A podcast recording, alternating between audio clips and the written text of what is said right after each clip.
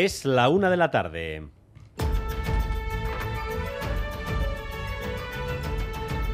Crónica de Euskadi con Dani Álvarez.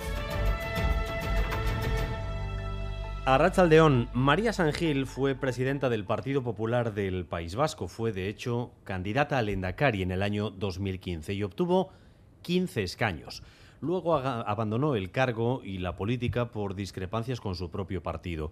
Pero lo que determinó su carrera fue que desempeñó el papel de asesora de Gregorio Ordóñez en el Ayuntamiento Donostiarra. De hecho, María Sangil estaba con él en el bar La Cepa cuando García Gastelu le asesinó de un tiro en la cabeza el 23 de enero de 1995. Siempre se ha caracterizado por su vehemencia contra ETA. De hecho, llegó a calificar a Rajoy de tibio pero ahora, en una entrevista, nada menos que con Tony Cantó, dice que el lema que te vote chapote, aunque moleste a algunas víctimas, como a la propia hermana de Gregorio Ordóñez, es útil porque da votos. A mí me parece que es un eslogan perfecto, pero de verdad, porque cuando vimos todos el cartel, todo el, mundo el cartel de aquel señor que te vote chapote, dije, esto es ni marketing, ni asesores de imagen, este señor, el más porque es muy gráfico. y porque además no todas las víctimas tienen que pensar lo mismo o entender igual la, estrategia con la que hay caos. No, es que estamos frivolizando. Y dije, bueno, pues quizás se frivolice, pero yo creo que es tan gráfico, tan directo y tan contundente que hay frases que hay que seguir repitiendo. Pero yo entiendo que si a Consuelo no le gusta, pues, pues lo siento mucho, porque yo creo que bueno, pues que hay que intentar que las víctimas estén un poco pues no sé, gratificadas y que no se sientan ofendidas. Hoy es el aniversario del secuestro de Miguel Ángel Blanco y en Hermoa se ha desarrollado un acto institucional de recuerdo y homenaje. El lema de quien también le disparó en la cabeza al concejal del Partido Popular ha capitalizado los discursos después de ese acto. Todos los partidos creen que el PP ha perdido definitivamente la brújula en este tema. Hermoa, Xavier Madariaga. Arrachaldeón, aunque 26 años después en el homenaje han estado todos los grupos del ayuntamiento, el acto no se ha hecho exento de polémica. El eslogan sobre Chapote es inadmisible para todos, menos para el PP. Su concejal en a nuestras preguntas, ha evitado valorarlo, mientras los populares preparan un gran acto con Núñez Feijó en Euskadi para el jueves 13 de julio, aniversario del asesinato de Miguel Ángel Blanco.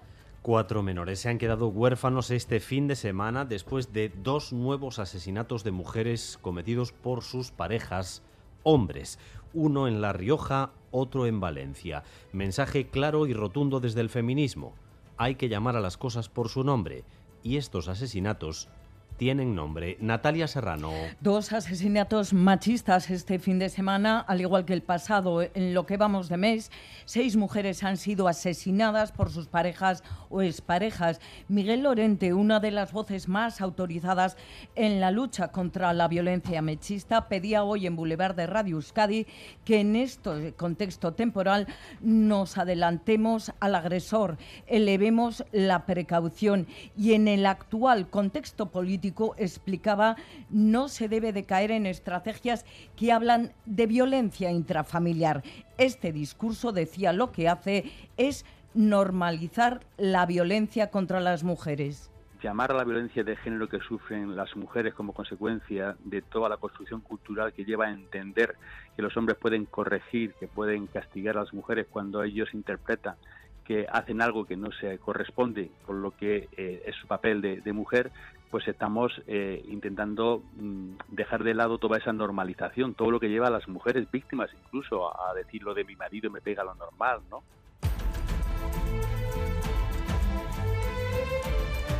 Festín de bonito en los puertos de nuestro país esta mañana. La flota ha cubierto ya el 30% de la cuota que tiene asignada. A este ritmo, la acaban antes de tiempo, la ida Basurto. Ha sido el mejor día de la costera sin duda, el bonito estaba cerca y los arranzales han ido llegando en masa uno tras otro a los puertos con los barcos llenos de bonito, donde más ha entrado en el puerto de Guetaria, más de 300 toneladas, 200 en Ondarribía, 40 toneladas en Ondarroa y 35 en Bermeo.